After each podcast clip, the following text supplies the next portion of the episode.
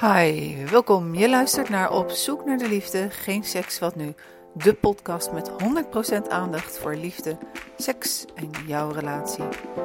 Mijn naam is Annette Burgers. Ik ben relatietherapeut bij YouTube Coaching en stiefcoach bij Stiefgoed Den Haag West.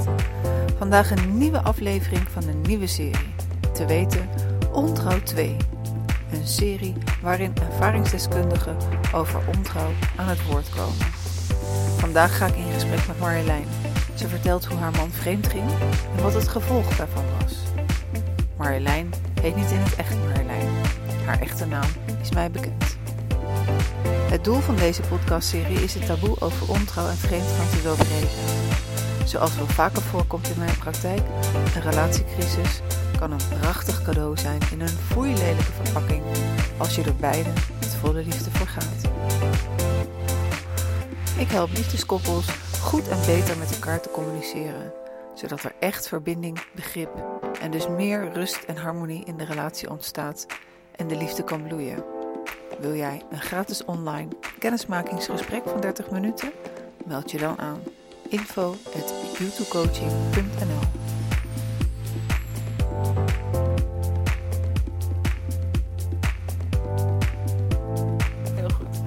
Hi, nou Marjolein, van harte welkom in Den Haag. Van harte welkom bij Op zoek naar de liefde. Op zoek naar de liefde, heb jij de liefde gevonden in je leven, Marjolein? Ik denk het wel. Kan je er iets over vertellen? Ehm, ja, ik, ehm, ik, ik heb eigenlijk een, heel, een hele reis eh, gemaakt ehm, binnen dit onderwerp de afgelopen, ik weet niet hoeveel jaar. En, 100 jaar. Ja, precies. Ehm, in eerste instantie ja, vond ik het een beetje een vaag begrip. En eh, hoe meer ik erover ben gaan praten met mensen, hoe meer ik er een beeld bij gekregen heb en een gevoel. Dus voor mij is het vooral een gevoel. Um, we praten heel vaak over de liefde in de romantische zin natuurlijk. Um, maar ik vind als breder begrip de liefde um, fascinerend. ja, dat is het ook absoluut. Uh, heb jij het in de romantische zin, heb je de liefde gevonden? Ja, dat, ja ik kan wel volmondig ja zeggen daarop. Kan je, weet jij nog het moment uh, van, van de ontmoeting? Wat gebeurde er met je? ja, mijn man en ik hebben elkaar leren kennen. Um, ja, daar zal ik niet heel veel over uitweiden, maar uh, eigenlijk op een blind date. En ik had er helemaal geen vertrouwen in. Maar uh, ja, vanaf het moment dat hij binnenkwam, uh, ja, vond ik hem fantastisch. Dat is trouwens ook wel heel erg mooi, hè? Als jij eerste bent en je zit ergens en dan zie je iemand binnenkomen. Dus wat zag jij binnenkomen? Ja, ja. Um...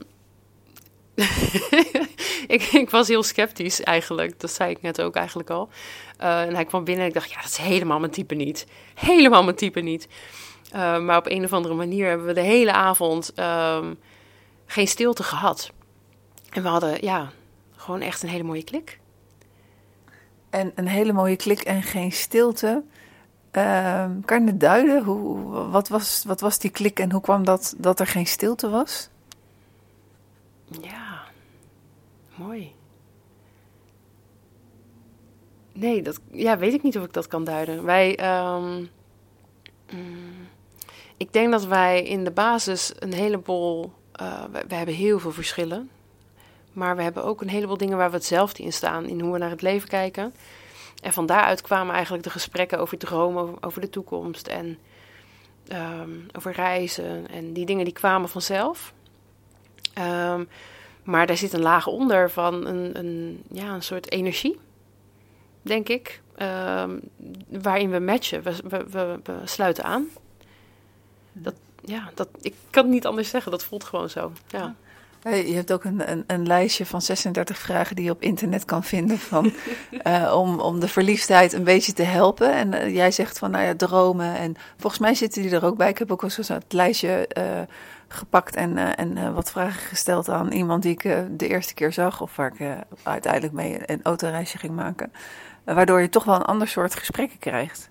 Maar er, zit een onderlaag in waarbij jullie elkaar ondanks alle verschillen, en gelukkig zijn alle, alle, mensen allemaal anders, maar ondanks de verschillen op energetisch level uh, een mooie ontmoeting hadden. Zo in mijn woorden dan even uitgelegd. Uh, en, en hoe ontvouwde dat stukje zich na zo'n eerste date?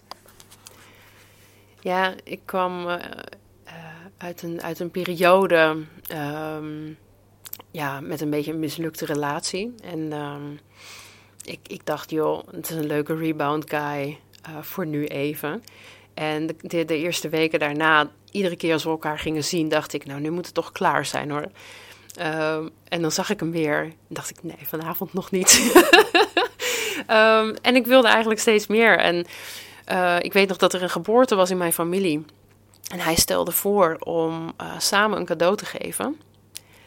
En um, ik verwachtte bij mezelf de reactie: gast, doe eens normaal. Dat gaan we echt niet doen. Uh, maar eigenlijk dacht ik alleen maar: oh ja, wat leuk. En vanaf dat moment wist ik dat ik me echt met hem samen zag. Um, grappig is, je had het net over die 36 vragen. We hebben het de afgelopen maanden moeilijk gehad. En toen hebben we onder andere de 36 vragen gedaan. En dat was zo. Dat werkte totaal niet, omdat we daar al zo ver voorbij zijn. Maar mm. het is wel, het is denk ik wel een aanrader voor nieuwe stellen. Ja. Eh, hoe lang kennen jullie elkaar al? Mm,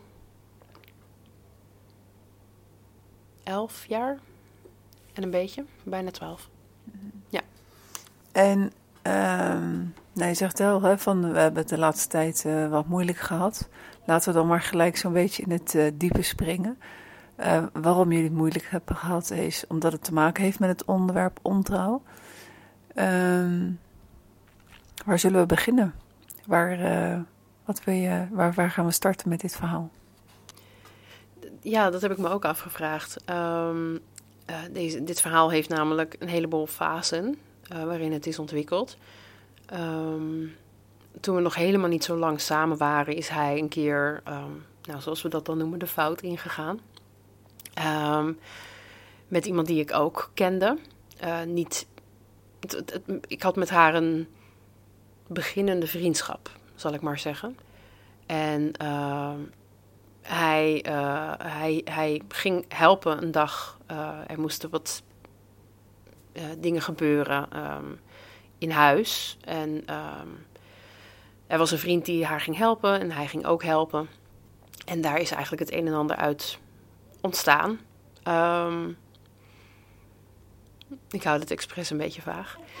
Uh, ik had geen idee. Ik had echt op dat moment geen flauw idee. Um, hij heeft daarna eigenlijk um, uh, ja, dat beëindigd en gezegd: joh, dit, dit kan niet. Dit is niet wat ik wil de relatie die ik heb, daar word ik hartstikke gelukkig van. En dit, moet, dit moet niet. Maar helaas is uh, later in datzelfde jaar toch weer uh, een vervolg gekomen. Um, en daar is eigenlijk een hele affaire ontstaan. En dit gaat echt over jaren geleden. En die affaire die was wel... Uh, ja, daar kwamen ook, ja, zoals je kunt verwachten... als je vaker seks met elkaar hebt, dan krijg je vanzelf gevoelens. Dus daar kwamen ook gevoelens bij. En um, ja, dat, dat is. Ik, ik weet nog steeds niet precies hoe lang dat nou geweest is. Um, hij, um, hij heeft het toen ook weer gestopt. Um, nou, hoe lang weet ik dus eigenlijk niet. En om heel eerlijk te zijn, wil ik het ook niet echt meer weten. Mm, want ik wil het geen podium meer geven in die zin. maar goed, dat is toen gestopt. En ik ben na een poosje zwanger geraakt. En wij gingen ook trouwen. Dat was dan voor ons eigenlijk de volgende stap. Op dat punt had ik nog geen idee. Uh, totdat ik van buitenaf door iemand ben ingeseind. hey, um, leuk voor jou dat je denkt dat je gaat trouwen met een hele leuke, lieve man. Maar zo'n lievertje is hij niet, want um, hij heeft uh, al een poosje iemand anders. Um, daar schrok ik natuurlijk van. Zo'n anonieme tip. Ik vond het een heel raar iets um, dat dat zo gebeurde. Nou, toen hebben we natuurlijk met elkaar gesproken. En toen, dat was eigenlijk de eerste keer dat we over dat ik van zijn ontrouw wist. En die ontrouw uh, heeft hij toen niet helemaal opgebiecht. Hij heeft mij toen eigenlijk gezegd: joh, het is twee keer gebeurd. Um, En ik, uh, ik, ik zie ook dat het niet kan. En we hebben gepraat over waarom is het ontstaan en wat is er dan. En wil je iets met haar? Um, ik sta je niet in de weg, maar dan ga ik niet met je trouwen. Uh, dus ik wist toen niet de hele waarheid. Gelukkig maar. Want als ik het toen geweten had, weet ik niet of ik met hem getrouwd was. En ik ben nu heel blij dat ik dat heb gedaan. Um, wij zijn getrouwd, verder gegaan met ons leven. En jaren later, en dan zitten we nu bij, heel dicht bij vandaag, is er weer iets opge, nou ja, opgebloeid, wil ik misschien niet zeggen. Maar er is weer iets ontstaan. En uh, ze hebben elkaar weer uh, gezien. Um, ook daar, ik, ik, weet eerlijk gezegd niet hoe vaak. Of dat één of twee keer is geweest. Nou, ik weet wel van minimaal twee keer. Of dat het misschien weer een affaire is geweest die hij nu niet helemaal heeft durven opbiechten. Um, maar uh, daar is uh, helaas wel. Ze is zwanger geraakt. En ik krijg er weer kippenvel van. ja, en dat was wel iets anders, want daar kun je echt niet meer van terug. Nee, je kan er ook niet omheen. Nee. Nee, en ik, ik wil er ook niet omheen. Maar dat is dan, dat is dan weer iets. Dan, dan zijn we al een heel stuk verder bij waarom wil ik dat dan niet. Um, ja, dit, dit kwam uh, een maand of acht geleden uit. Ik kwam zelf. Hoe kwam het uit? Ja, ja ik kwam er zelf achter. Uh, ik, ik had, ja, dit, dit, stukje is een beetje vaag en, en ik kan het zelf ook niet uitleggen, maar ik kreeg in een week allemaal rare dromen. Um, over vreemd gaan, over um, dat hij een vrouw in zijn telefoon had onder een andere naam. Volgens mij was het in mijn droom iets van Ferrari. um, um, ik, ik, dacht, ja, dat zijn hele gekke dromen. Uh, maar die heb ik wel vaker als ik onzeker ben. Ik dacht, nou, dat zegt niks. En toen was er ineens een moment dat ik dacht, ik ga, ik ga op onderzoek uit. En ik ben daar niet trots op. Maar ik ging op onderzoek uit en ik ontdekte een patroon van belletjes. En um, ik, ik zag geen appjes, want hij verwijderde alles. Maar ik zag wel dat ze een frequent contact was. En um, toen dacht ik, ja, dat, is niet meer te ontkennen. Er is iets gaande. Toen heb ik hem geconfronteerd. Um, en eigenlijk ben ik het gesprek begonnen met: hey, um, volgens mij is er een derde in dit huwelijk. Laten we er maar open over zijn en vertel me alsjeblieft wat er gaande is. En dan kunnen we gaan kijken wat onze toekomst nog is. Zei je dat net zo rustig als nu? ja, maar met heel veel onderliggende um, emotie wel. Ik had het gesprek een beetje voor, voorbesproken met mijn vriendin. Die had ik al verteld: hey, er is iets gaande, hoe ga ik dit aanvliegen? Um, dus ik had wel een beetje een plan. En uh, ja, hij schrok, maar uh, hij was ook wel opgelucht, want hij kon zijn verhaal doen en hij had het behoorlijk ja, drukt op zijn schouders. Ja, en ik dacht op dat punt dat het ge gewoon een affaire was. En ik dacht, ja, dat is een probleem, want ik kies voor monogamie. Dus dit past niet in mijn beeld van ons huwelijk. En als hij niet voor monogamie kiest, moeten we kijken of we samen verder kunnen. Um, maar in de loop van dat gesprek, uh, wat natuurlijk af en toe emotioneel werd, zei ik: Joh, heb je het op zijn minst veilig gedaan of moet ik me laten testen? uh, of heb je straks ineens ergens een kind rondlopen? Zei ik eigenlijk een beetje boos en een beetje lomp. Ja, en op dat punt, hij dacht dat ik het al wist op dat punt, maar dat was dus niet zo. Kwam het eruit. En toen ben ik even een ommetje gaan doen. dat, uh, dat was even slikken. Ja, want op dat punt uh, was zij zwanger of was er al een baby geboren? Hoe, in welke fase was dat? Nee, zij was toen volgens mij vier maanden zwanger. Ja, zij was toen volgens mij vier maanden zwanger. Dus we waren ook het punt voorbij dat een zwangerschap eventueel beëindigd zou worden. Nou is dat iets waar wij alle drie uh, niet gauw voor zouden hebben gekozen. Um, voor zover ik natuurlijk een keuze heb, die heb ik helemaal niet. Mm, maar die keuze was inmiddels gemaakt. Die was wel vooral eenzijdig door haar gemaakt. Ehm, hij heeft eigenlijk aangegeven: ik ben absoluut geen voorstander van abortus.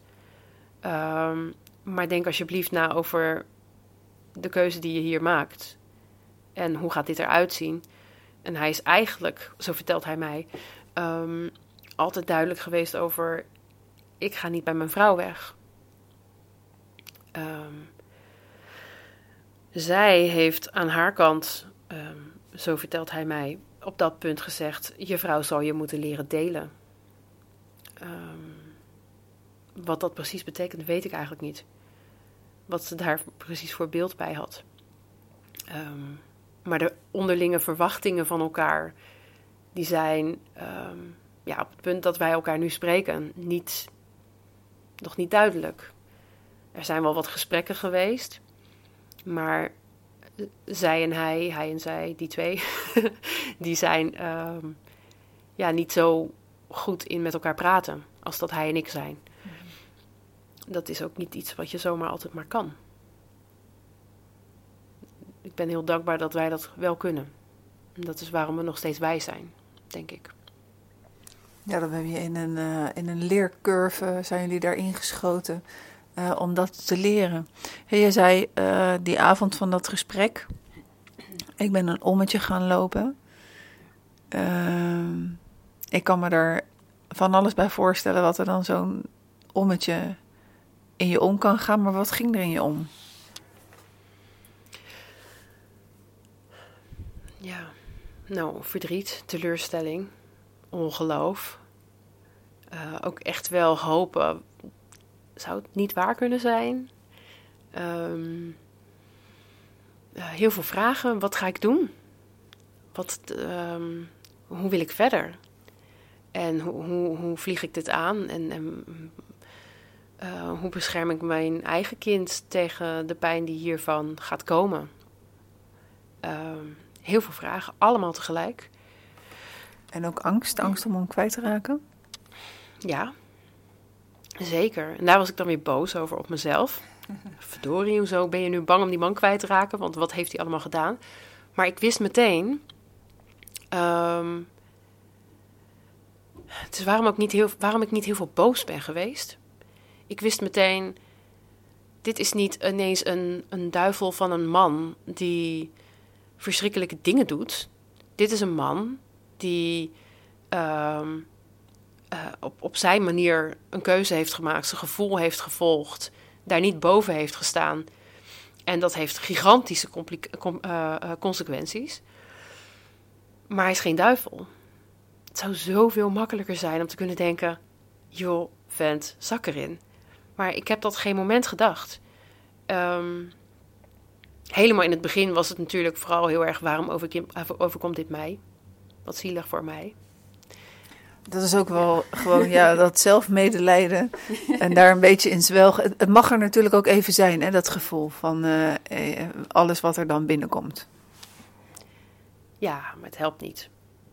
Ik heb wel geleerd, uh, ook wel al daarvoor wist ik dat wel, maar nu heb ik het echt in de praktijk mogen brengen. Gevoel moet je gewoon de ruimte geven. Moet er zijn. En als je dat doet, en dat, als ik, dat heb ik gemerkt, dat als ik dat doe, dan wordt het ook echt beter. Dus ik heb een keer heel dramatisch tegen mijn schuurdeur gezeten buiten. Zo van: ik wil niet in jouw ruimte zijn, dus dan ga ik maar naar buiten. Zitten snikken. Um, en, en dat duurde echt een hele tijd. Maar het werd wel minder. En dan is het daarna weg. Um, en dan kan ik naar het volgende stukje om te verwerken het de ruimte geven hielp wel. En we weten allemaal, we zeggen allemaal wegstoppen helpt niet. Maar iets echt de ruimte geven is een actie. En het is niet iets wat vanzelf gebeurt, maar je moet echt in actie komen, actief zeggen: het mag nu, het kan nu. En dat hielp wel heel erg. Ja. We gaan alle kanten op, hè? nee, dat, dat geeft helemaal niet. Uh, we, gaan terug naar uh, de avond van dat gesprek. Jij hebt uh, je rondje gelopen en je kwam thuis en toen? ja, die avond gebeurde nog iets heel vervelends. Ehm, ja, op dat moment zat ik natuurlijk in heel veel angst. Er was ook wel al een stukje liefde. Als in. ehm, ik heb meteen kunnen erkennen. joh, in onze basis is het zoveel goed. Wij gaan eerst maar eens dit samen doen. En eh, uit elkaar gaan kan altijd nog. Dus dat was meteen die dag al duidelijk. Ik heb ook meteen eigenlijk duidelijk gemaakt: ik ga niet nu jou eh, de deur wijzen of zoiets. Want dat, dat, is een beetje het cliché: vrouw wijst man de deur of man wijst vrouw de deur. Dat ging niet gebeuren. Ehm, maar eh, ik was wel heel erg ook in angst. Dus ik was eigenlijk nog steeds hem aan het controleren. En hij was even de deur uit. En in de tijd dat hij de deur uit was, eh, had hij contact met deze vrouw. Om haar eigenlijk te laten weten: Goh, goed voor jou om te weten. eh, het geheim is uit. Mijn vrouw is op de hoogte. Ehm, en ik ga er alles aan doen om, ja, om een huwelijk te redden. Maar na afloop van dat gesprek, en ik weet natuurlijk niet wat daar verder in is besproken, eh, stuurde zij hem een bericht, wat ik zag, omdat ik dat volgde op dat moment. ik schaam me nog steeds dood. Ehm, waarbij zij zei: Goh, eh, je, bent, je bent hier welkom hoor, kom maar. Ehm, nou, dat zag ik. En ik zag ook zijn reactie. En zijn reactie was: ehm, ik, ik, ik, ben, ik ben nu alweer thuis. Ehm, maar we zullen zien of ik er vanavond nog uitgeschopt word. Haha. En toen, dacht, toen, toen gingen echt de rillingen over mijn lijf. Omdat ik op dat punt al... Ik vond mezelf al best grootmoedig door te zeggen... we gaan samen praten. En dan op dat moment dat gesprek voeren. Dat gebeurde ook nog die avond. Dus toen is het wat minder gezellig geworden. Toen is er wel echt even een flinke confrontatie geweest. Ehm, en ja, ondertussen hadden we ook nog een kind rondlopen die eh, ook nog liefde en aandacht nodig had. Dus het was ook. Dit gesprek gebeurde steeds in, in stukken. Dat we even vrij konden praten. En die avond gingen we eigenlijk wel slapen in hetzelfde bed. Ehm, en en, en het- van begin tot eind was dit toch nog steeds wel in verbinding. Maar ook in heel groot verdriet. Ehm, het was alsof iemand me net had verteld dat er iemand dood was. Want er was ook iets dood. Dus dat was het begin van de rouwperiode eigenlijk. En dat je in een, eh, ik weet niet of je dat herkent, maar dat je in een film terecht bent gekomen en je weet niet exact wat je rol is. Van wat is hier gaande. Ehm, hier heb je niet, eh, nooit rekening mee gehouden. En, en hoe, wat is de volgende stap? Ja, ja dat klopt wel. Ehm, dit zal mij toch niet overkomen. Ik schaamde me. Ik heb me de eerste weken geschaamd dat het mij was gebeurd. Ehm, ik heb me ook. Ik heb me ook voor hem geschaamd. Ik dacht op het moment dat dit bekend wordt in onze kring, gaan mensen hier oordeel over hebben. Dat vond ik heel naar. Voor hem, voor mij, voor het kind, het betrokken kind dat inmiddels wel geboren is. Ehm, dit kind zal ook aangekeken worden op een manier van: jij had er niet mogen zijn. Niet in zijn omgeving. Hoewel daar misschien ook al een beetje. Ehm, dus ik was eigenlijk heel erg bezig met wat gaan mensen vinden. Maar ik ben zelf wel zo dat ik ook vind dat dat niet uit mag maken. Totdat het de kinderen raakt. Eigenlijk. Want die kunnen zichzelf nog niet redden. Dus ja, in een film. Waarom overkomt mij dit? Overkomt mij dit echt? Gebeurt dit? Hoe gaat dit? Waar gaat dit heen? Ehm, heel snel, misschien de volgende dag al, ik weet het niet meer, besloot ik om een tijdje weg te gaan. Gewoon een weekje naar het buitenland. Cocktails drinken op een strand en huilen. Ja, heb ik ook gedaan. In, je eentje? Ja, ik heb het zo leuk gehad. Ehm, maar dat was ja, omdat dat, die emotie kwam nog niet vrij. En ik dacht, ik moet even uit mijn alledaagse bestaan. En dat hielp heel erg. Ehm, hij dacht dat het niet zou helpen, maar het hielp wel. en wat exact heb je daar dan gevonden wat jou hielp? Um, ik vind in, uh, in een gezinssituatie, uh, je, hebt, je hebt kinderen, mm -hmm. ja, um, um, ben je altijd aan. Je moet altijd iets. En zelfs in het meest liefdevolle gezin moet je altijd iets. Je hebt altijd een verantwoordelijkheid. En uh, wat mij die paar dagen weggaf, was even echt alleen maar verantwoordelijk zijn voor mezelf. Wat betekende dat ik best tot drie uur op kon blijven en in bed kon blijven liggen tot tien uur als ik daar zin in had. Dat dat niet kan, omdat ik altijd vroeg op moet. Uh, uh, dat is dan weer wat anders. Maar ik had die ruimte. En uh, ik mocht alles zijn of niet zijn. Ik had een lijstje met toeristische dingen die ik kon doen. Daar heb ik niks van gedaan. En dat was ook prima. Dus dat gaf mij een paar dagen om echt te laten gebeuren wat er gebeurde in me.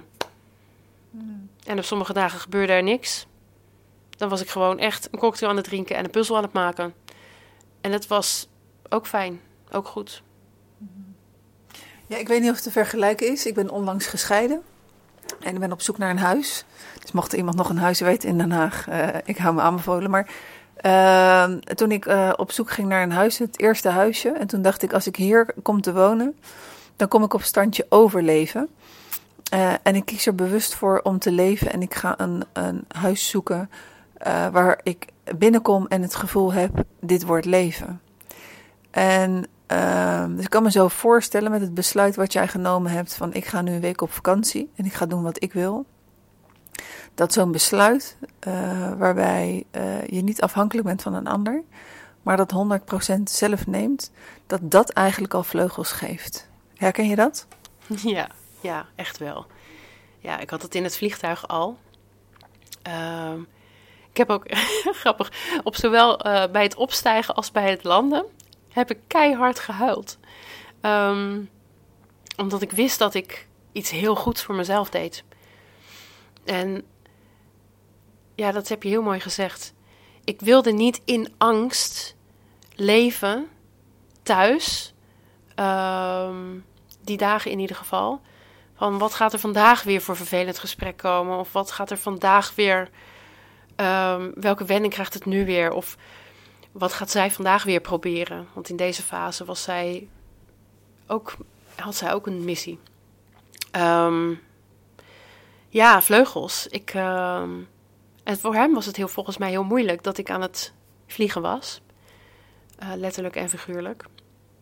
Omdat, ja, hij hield het fort wel overeind thuis. Um, maar, maar ja, wat, wat zou ik gaan concluderen in die vrije dagen? Was voor hem heel spannend. En voor jou ook, want je wist natuurlijk niet wat er eh, van tevoren wat eruit zou komen. Uh, ik denk dat er, wat ik een beetje inschat, we hebben elkaar natuurlijk een tijd geleden even telefonisch gesproken. Ik denk wat jij vooral gevonden hebt, is de liefde in jezelf en die onuitputtelijke bron die je in je hebt. Ja, misschien wel ik heb die dagen vooral de vraag gesteld: wat is. Uh, is er hier één juiste keuze? Antwoord is nee.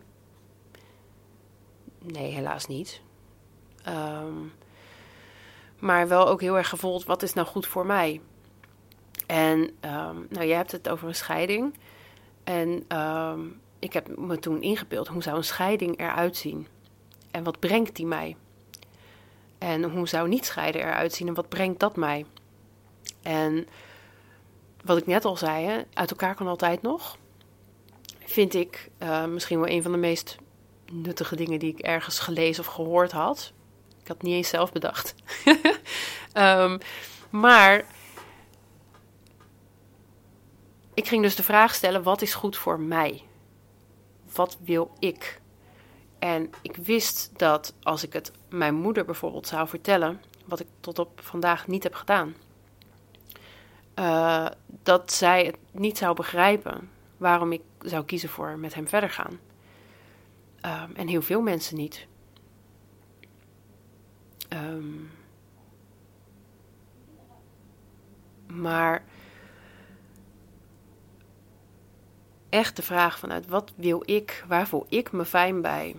En net als helemaal in het begin, ehm, toen ik naar hem toe ging en dacht, nou vandaag moet het toch klaar zijn. Iedere keer weer was er dat gevoel van, nee, wij horen bij elkaar. Wij vullen elkaar perfect aan. Het is nu nog steeds. Het is niet weg. Ehm, en wat is dan lief voor mij? Voor mij is het lief dat ik daar dat ik dat leef. Betekent dat dan dat ik alles maar goed moet vinden? Natuurlijk niet. Want er is wel, er zijn dingen denkbaar die, ehm, als ik ze zou accepteren, eerder, nou ja, tegenovergestelde van zelfliefde zijn. En daar ben ik wel heel kritisch op. Wanneer ga je nu echt mijn grenzen te ver over? Ja. Uh, na alle cocktails uh, was er toch weer uh, de vlucht richting Nederland. hoe zijn jullie toen het gesprek aangegaan? Ja, dat stukje kan ik me niet heel goed herinneren.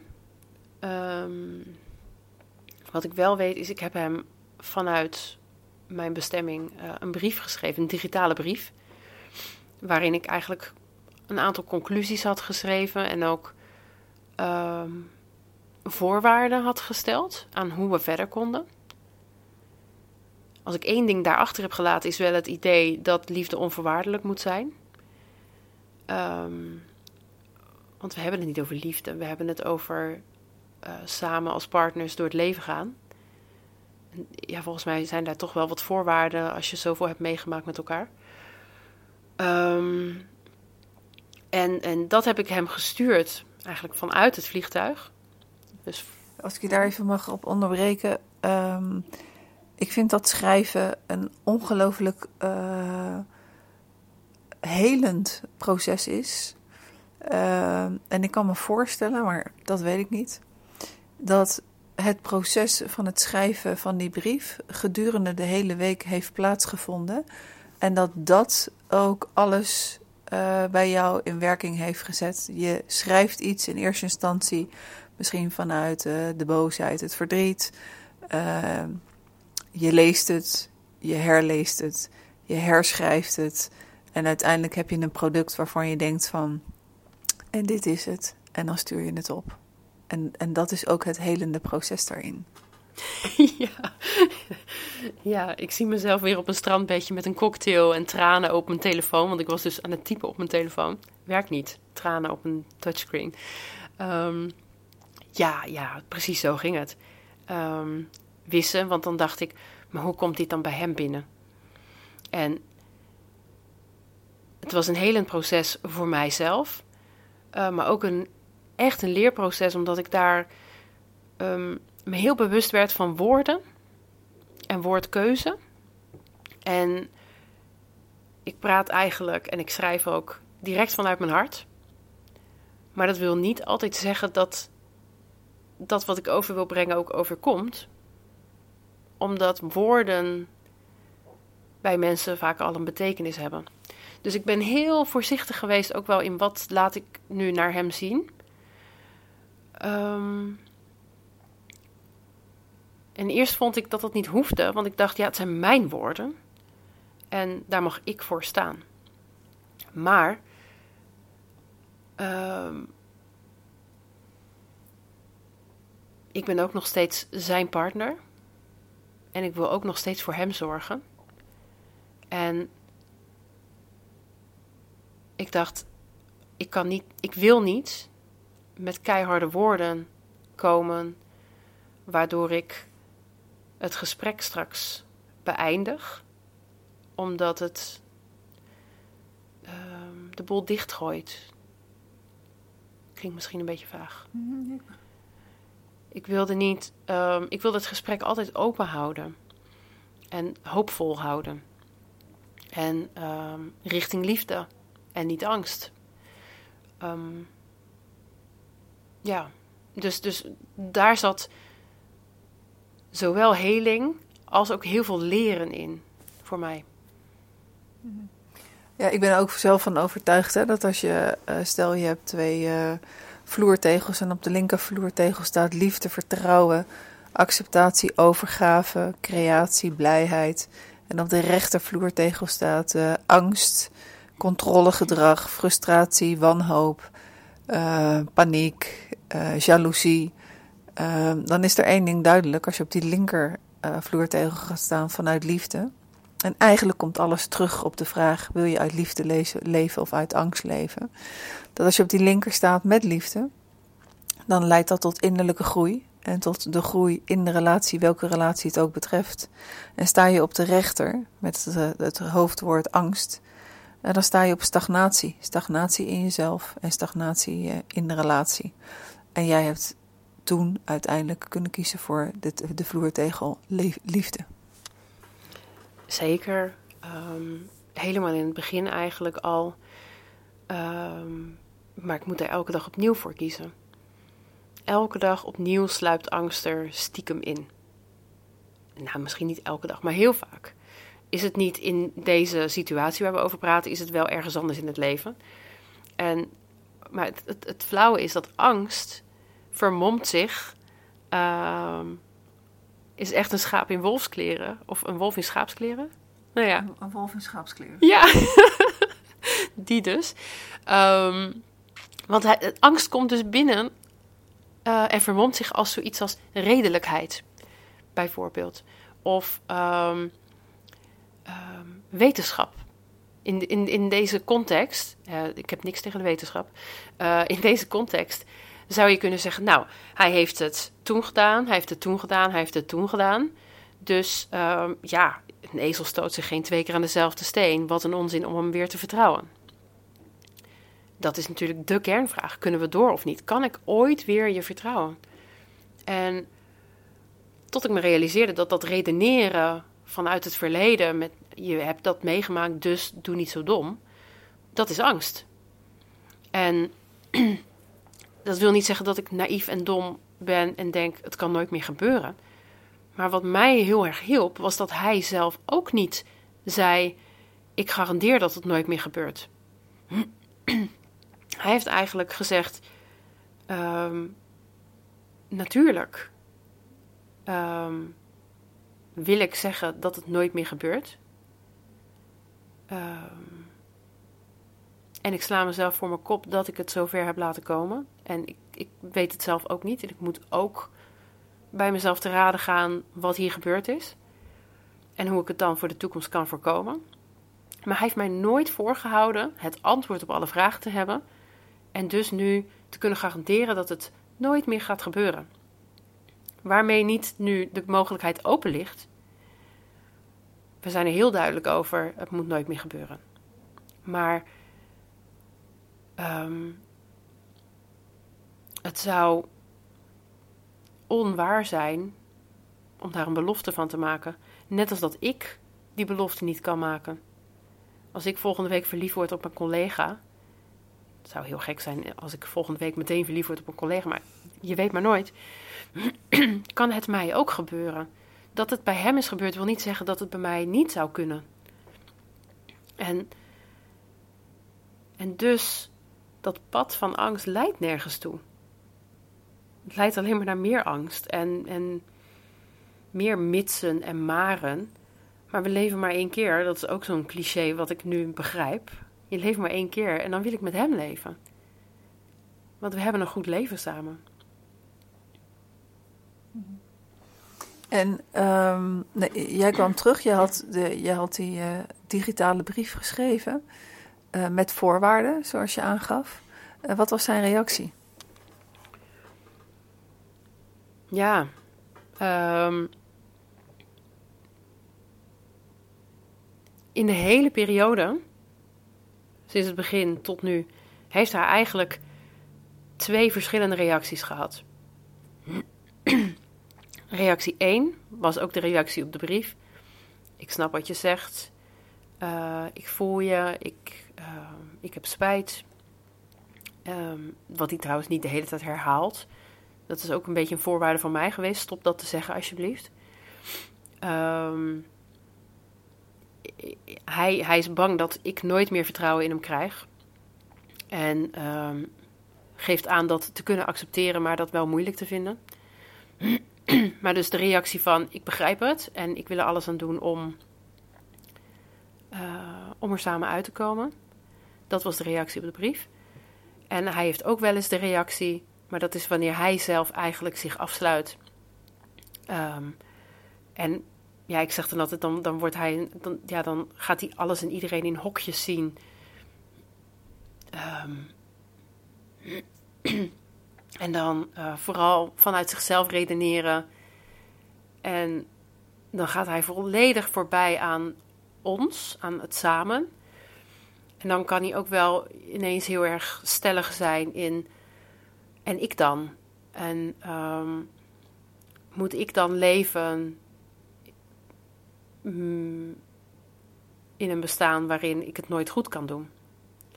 Want hij kan het ongetwijfeld uh, bij, uh, voor zijn kind, nieuwe kind, nooit goed doen. Maar bij mij misschien ook niet.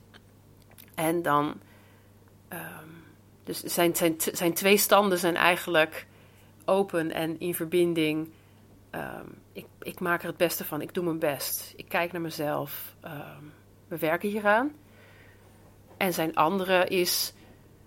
Ja, maar wat ik toch ook doe, het is toch nooit goed. En uh, ik ga gewoon doen wat ik denk dat het beste is. Maar dan is het dus heel veel ik-denken. En en die is niet per se constructief voor het grotere geheel. Ik denk wel dat hij het nodig heeft om af en toe even zich af te sluiten. Ja. Uh, en uiteindelijk uh, is het babytje geboren. Mm-hmm. En, um, en wat heeft dat uh, voor een effect gehad op jou, op jullie, op jullie relatie? Ja, uh, mooie is, ik merk in mezelf dat als je dan zegt een babytje geboren, het is niet mijn baby, maar ik voel alleen maar liefde. Ik heb hem nog niet gezien. Um,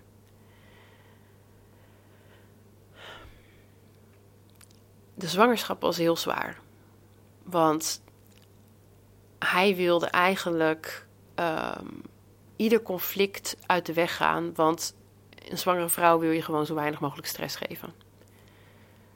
Maar hoe doe je dat zonder dat je ook um, nou ja, je, je, je, je, je relatie op het spel zet?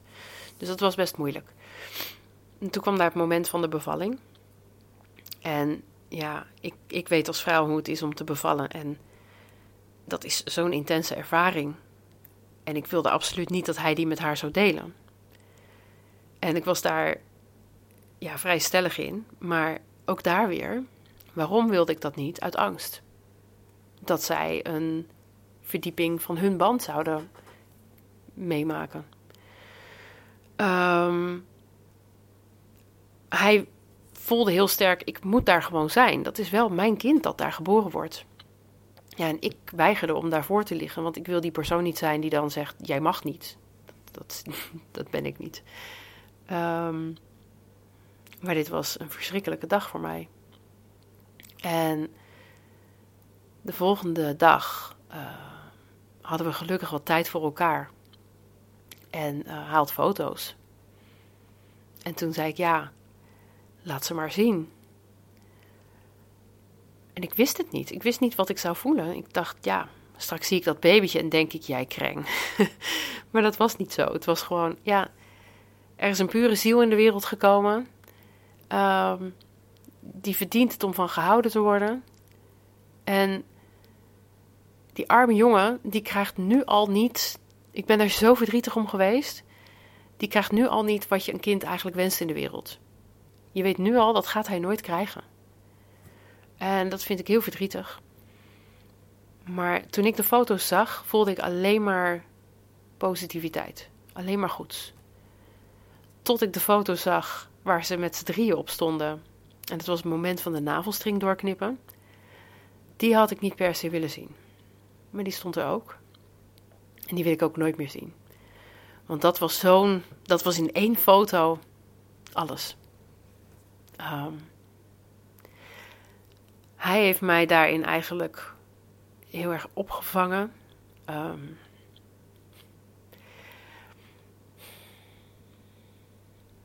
ehm, ja, dat was moeilijk. Het is nu ook nog moeilijk. Maar hij. een stukje water. Ja, goed idee.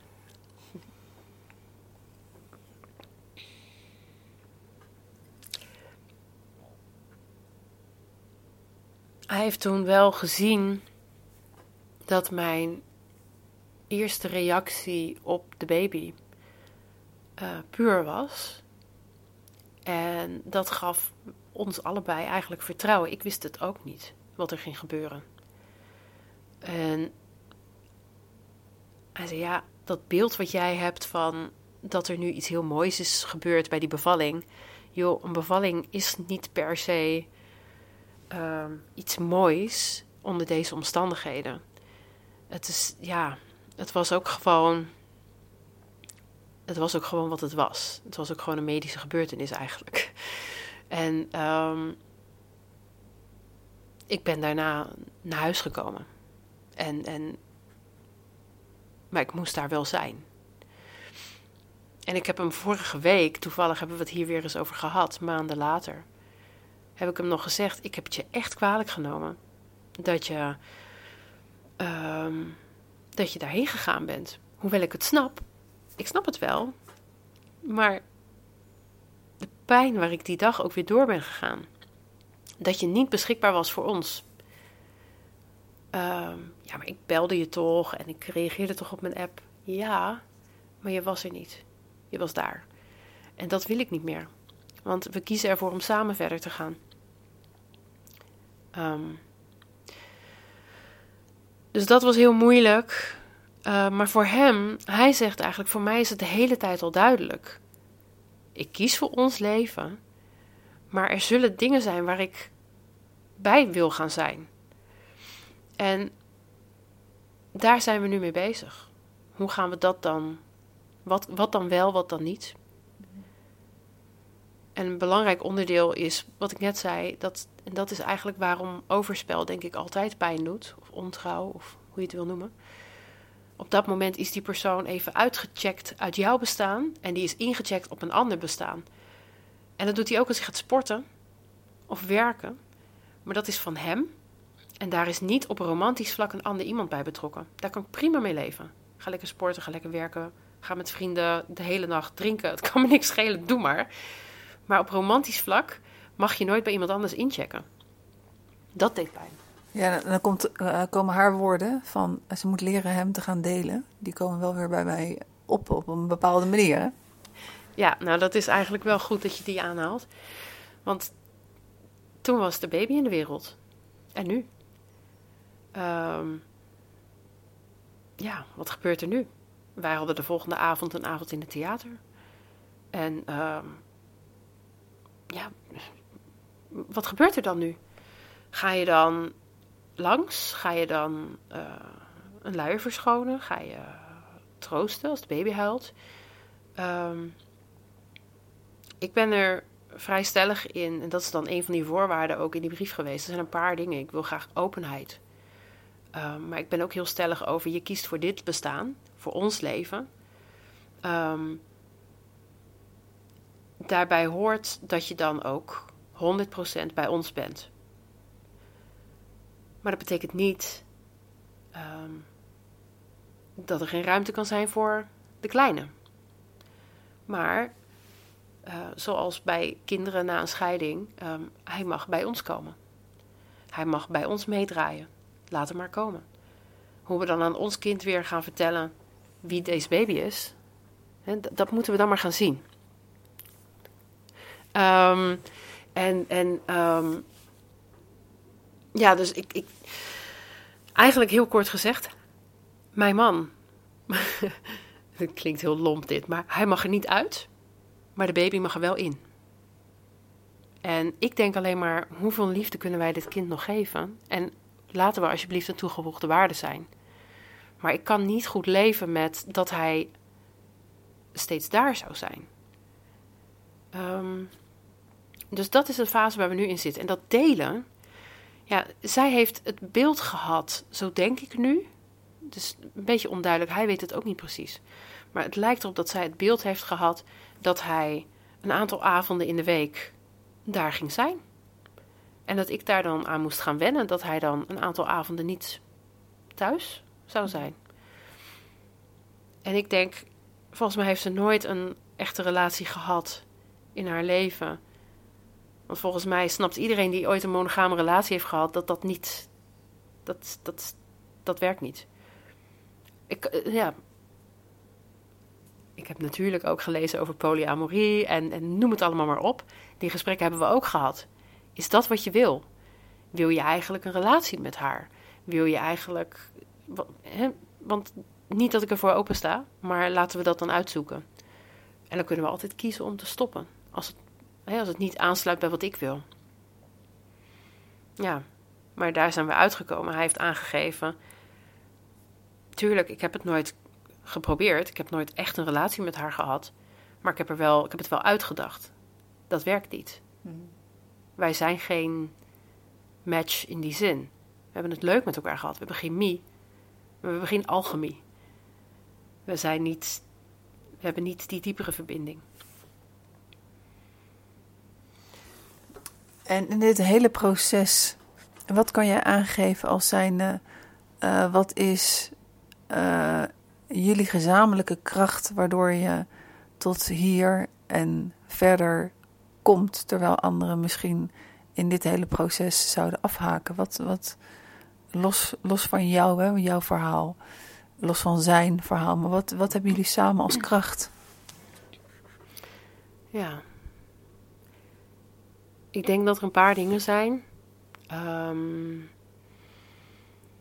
ik denk dat er heel veel onderling respect is. Um, dat we samen hebben gezien wie zijn we eigenlijk met z'n tweeën.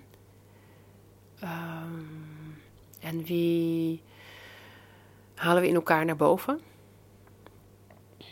En, en we hebben gezien dat dat. Wij zijn echt, echt een voorbeeld van 1 en 1 is 3. Hmm, maar als personen hebben we ook allebei naar onszelf gekeken. Ieder artikel wat je leest over ontrouw, daar staat in dat de bedrogene ook naar zichzelf moet kijken. Heb ik natuurlijk ook gedaan. En ik heb natuurlijk ook met hem daar gesprekken over gevoerd. En wij zijn allebei niet bang geweest om de lelijke dingen te zeggen en te zien. Um, en we hebben meteen erkend: het wordt niet makkelijk. Maar wanneer heeft iets makkelijks nou ooit iets goeds opgeleverd? ja. Dus we zijn bereid ervoor te gaan. We weten dat het niet makkelijk is. We hebben respect voor elkaar. Emotie mag er zijn. Um, en als het even niet gaat, dan nemen we even afstand ervan.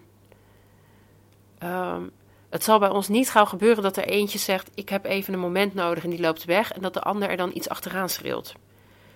Dat, dat doen we gewoon niet. Dat past niet bij ons. Um, maar wij zijn ook gefrustreerd en we zijn ook wel eens boos. En we zijn ook wel eens bang dat het niet lukt. Ik heb vorige week letterlijk nog gezegd: Als jij dit en dit werkelijk zegt of denkt, dan gaan we het niet redden. Um, en daar zijn, we blijven ook praten. En we denken nooit dat we er al zijn. Tot nu toe is dat de kern, denk ik. En we zijn niet anders dan andere stellen. Maar het, wil, het is wel zo dat we voor de drama, um, het drama, allebei, um, daarvoor gingen we ook al zo met elkaar om. Dus we hadden al een respectvolle basis.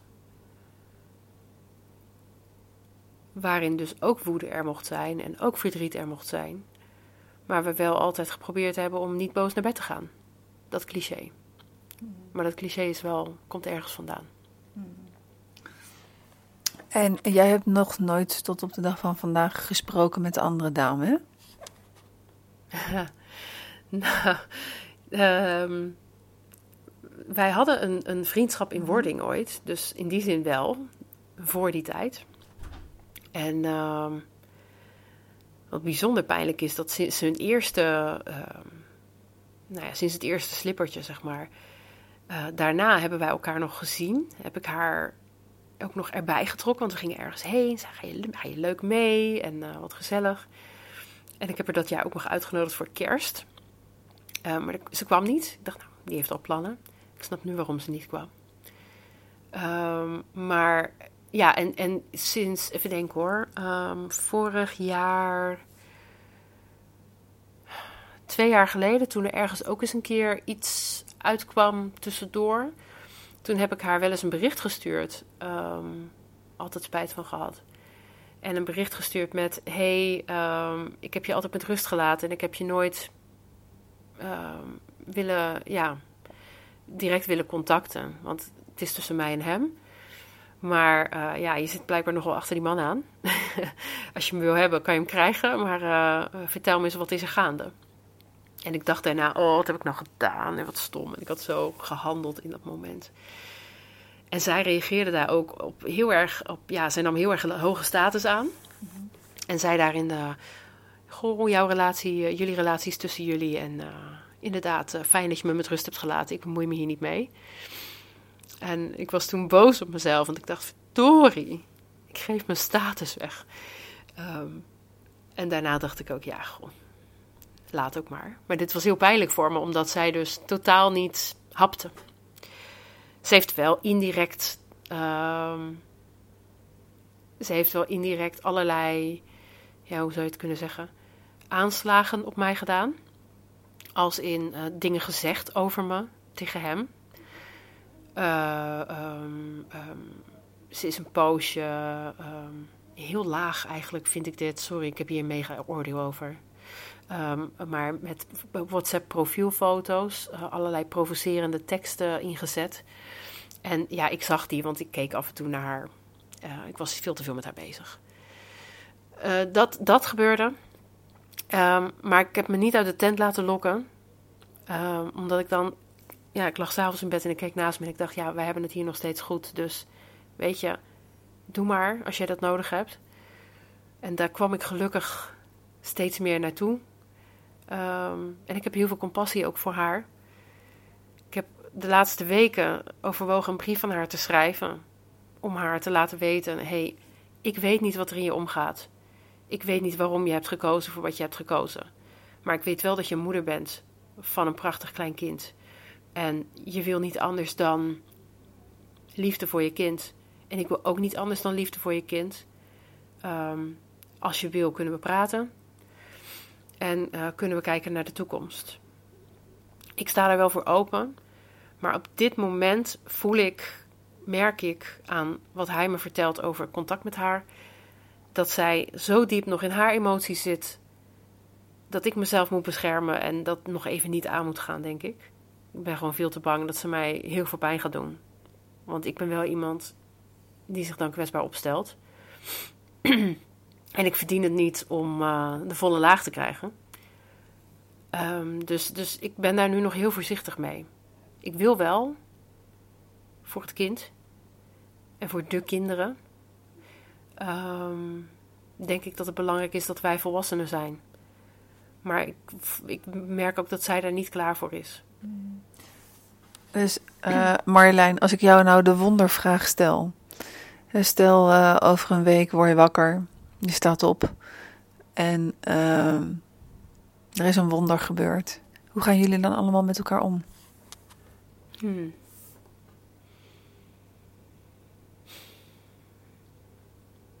Nou, op dit moment zou het wonder denk ik al zijn uh, dat er vertrouwen is en uh, liefde. Um, en dat we dat we met elkaar besluiten dat uh, dat we zoeken naar een vorm die werkt voor iedereen. En ik heb daar een beeld bij. En dat is dat beeld van hoe gescheiden kinderen in, in, samengestelde gezinnen bijvoorbeeld leven. En dat is nooit makkelijk trouwens. Uh, maar ik denk dat dat de mooiste uitkomst zou zijn. Dat hij zijn kind kan zien opgroeien. Dat mijn eigen kind kan leren met: ik heb een broertje of zusje. Ehm, en en dat, dat het gesprek open is.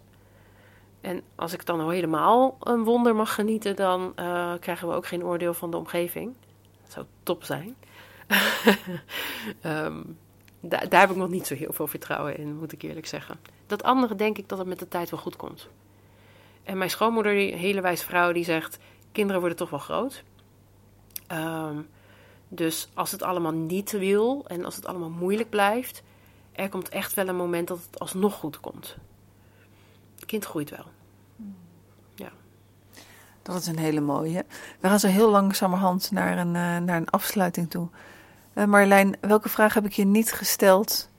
En uh, zou je toch nog antwoord op willen geven, voor zover ik de vraag niet gesteld heb? Ja.